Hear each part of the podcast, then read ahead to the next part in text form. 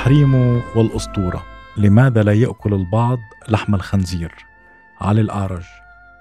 دائما ما يمارس الناس وجهات نظرهم كبديهيات وحقائق ثابتة دون البحث في خلفياتها وهو ما ينتج عنه في كثير من الأحيان حالات من الجمود.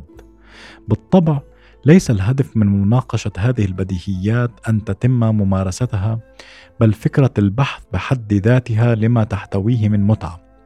في مسألة لحم الخنزير تم البحث عن بعض الأسباب وراء التحريم. في الآيات القرآنية البقرة 173 الأنعام 145 النحل 115 والمائدة ثلاثة. يقول الله بشكل واضح حول ما يجب على المؤمن عدم تناوله وبالرغم أن التحريم كان عاما كالمنخنقة والميتة والدم إلا أنه في الآيات السابقة خصص الخنزير دون سواه كحيوان مستقل وحصري. هذا التخصيص يفتح مجالا للتساؤل حول السبب لرفض الأديان للخنزير بتسمية واضحة ومحددة. في التفاسير اللاحقة لدى بعض الأئمة والمتفقهين تم توضيح بعض الأسباب لكن هذه التفاسير ينقصها بعض المنطق.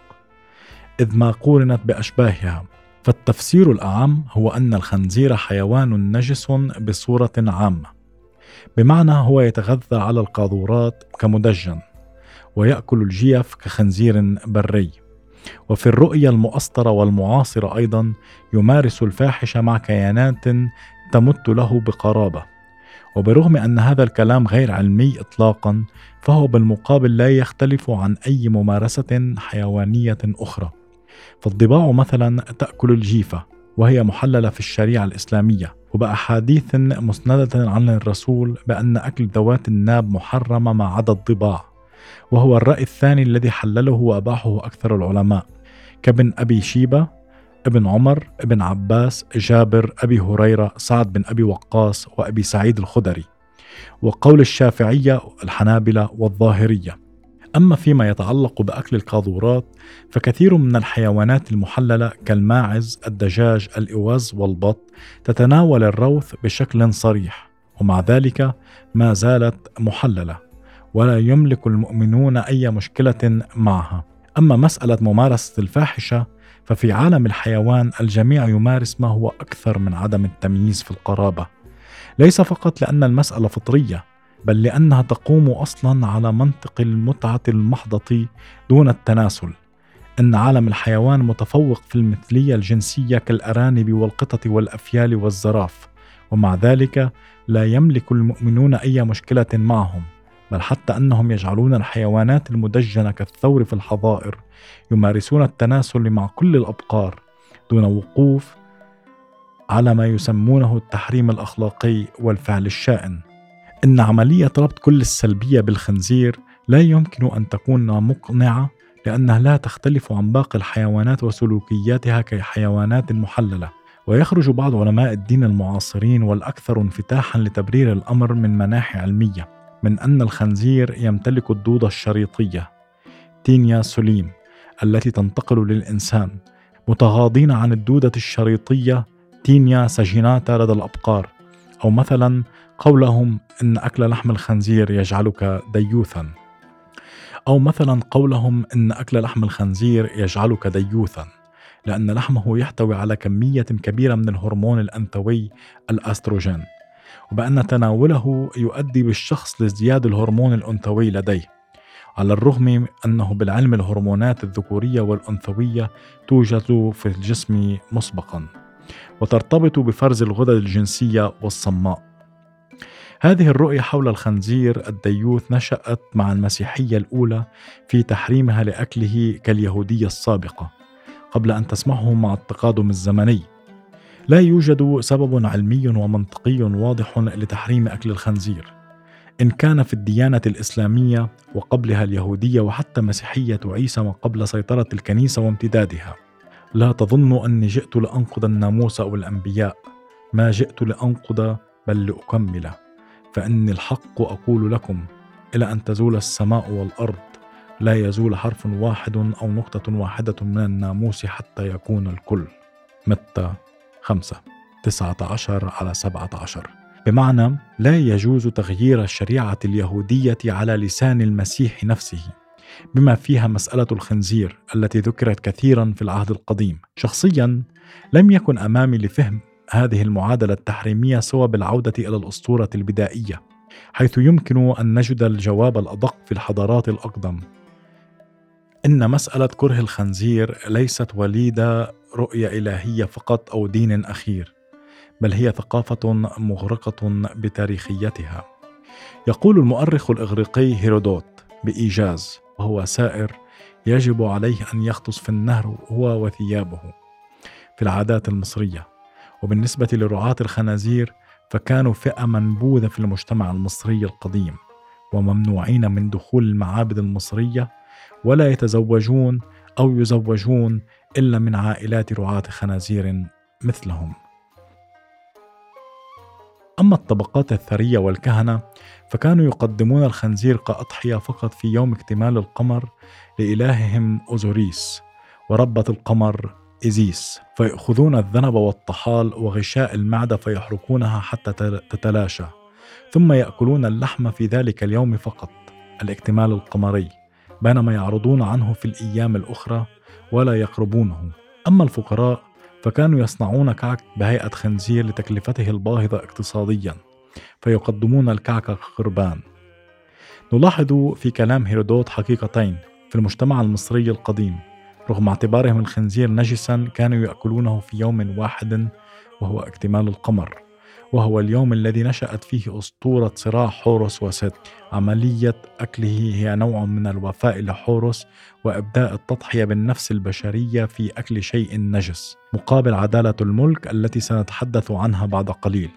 والأمر الآخر أن الخنزير يشكل في النظام البيئي كلفة مادية إن في عملية اصطياده كحيوان متوحش بري أو حتى تكلفته المادية كتربية وتدجين. وهو ما يستدعي النسبة الفقيرة أن تلتزم بتقديم قرابين رمزية. لقد عرف الفراعنة تدجين الخنازير ليس لأكلها على مر العام بل للتضحية بها في يوم محدد. في الأسطورة الفرعونية عندما قام ست بقتل أخيه أوزوريس واستلم العرش قطعه إلى 42 جزءا ودفن كل جزء في بقعة بعيدة عن الأخرى قامت الآلهة إيزيس بتجميع أشلاء زوجها مرة جديدة وحبلت بابنها حورس الذي كبر واستعاد عرش والده بعد صراع مع ست الذي تشكل بهيئة خنزير أسود. وجرح عين حورس التي كانت هي القمر وعينه الأخرى هي الشمس وهو الذي أخذها من أوزوريس والده إله الشمس وإيزيس والدته ربة القمر.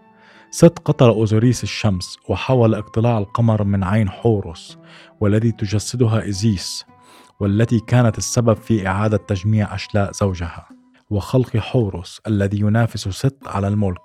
فمحاولة اقتلاع عين حورس هو ترميز عميق لقتل إيزيس لذا فإن عملية تربية الخنازير هي ثقافة أضاحي العين حورس الذي أعاد الملك والنظام للحياة ولوالده وقضى على الفوضى التي خلقها ست بطريقة ما كان الخنزير في الأساطير القديمة هو رمز للفوضى الذي تشكل ست على هيئته. الأسطورة ذاتها بدأت تنتقل إلى مناطق أخرى في العالم فانتشرت أيضا لدى الكنعانيين في سوريا حيث كان الرب آدون بعل يعبد وهو الذي مات بواسطة خنزير بري أثناء رحلة صيد في جبال لبنان. وهي الأسطورة المتداولة أيضا لدى الإغريق بالنسبة لأدونيس الذي مات أيضا بواسطة خنزير. الخنزير في الحضارات القديمة تم نبذه بسبب فوضاه وبسبب قتله للآلهة. فليس غريبا أن تأتي الديانات التوحيدية برفض مطلق لفكرة الخنزير دون تقديم سبب مقنع لذلك الرفض. وجميع التبريرات العلمية حينا والأخلاقية حينا آخر لدى تلك الديانات أو علمائها المعاصرين هي فقط محاولة تقديم سبب منطقي لتاريخ مؤسطر تجاه هذا الحيوان المتجسد في التاريخ بالشراسة واللا استقرار وصعوبة صيده وتمرده وفوضاه الثقافية تجاه فكر الحكم الأبدي للملوك القدماء بحسب الأساطير. والأهم تكلفته المادية كتربية وخطورته كاصطياد تاريخيا. ومن الناحية العلمية سلوكه الفوضوي وقدرته على زعزعة النظام البيئي. فسلوك الخنزير لا يكتفي بإشباع الجوع بل بتدمير الزرع وإحلال نوع من الفوضى في أي مكان يطأه. جميع هذه العوامل الأسطورية الثقافية الإلهية والتاريخية الاقتصادية خلقت من هذا الحيوان صورة شنيعة لعدم قدرة الإنسان على التعامل معه فصورة الرفض هذه هي الأقرب لما عبر عنه عالم النفس السويسري كارل يونغ يوما في مسألة تناقل الموروث الأسطوري إنها موروث الوعي الجمعي للثقافات القديمة. فالمسألة التحريمية لا علاقة لها بنجاسة الخنزير وعملية الرفض الاجتماعي لتناول لحمه مرتبطة بشكل أثير في أسطورة شعبوية معاصرة ومستمدة من التاريخ الديني حول قلة شرفه. بأن الإنسان سيكون ديوثا لا محا فكثير من المؤمنين يزنون ويشربون الخمر بالرغم من أنه محرم لكنهم لا يأكلون الخنزير. لأجسادهم قدرة دفاعية على الرفض سببها ثقافي شعبوي جنسي مرتبط بثقافي ديني محرم وممتد لثقافة تاريخية للأساطير. جسدت النظام الموضوعي للملك والأبدية الألوهية. بعد قتل الخنازير كتجسيدات للمعنى الفوضوي والاقتصادي والبيئي إنها بشكل أبسط رفض جمعي لتاريخ الحيوان الذي يهدد الملك الأسطوري في كل الثقافات.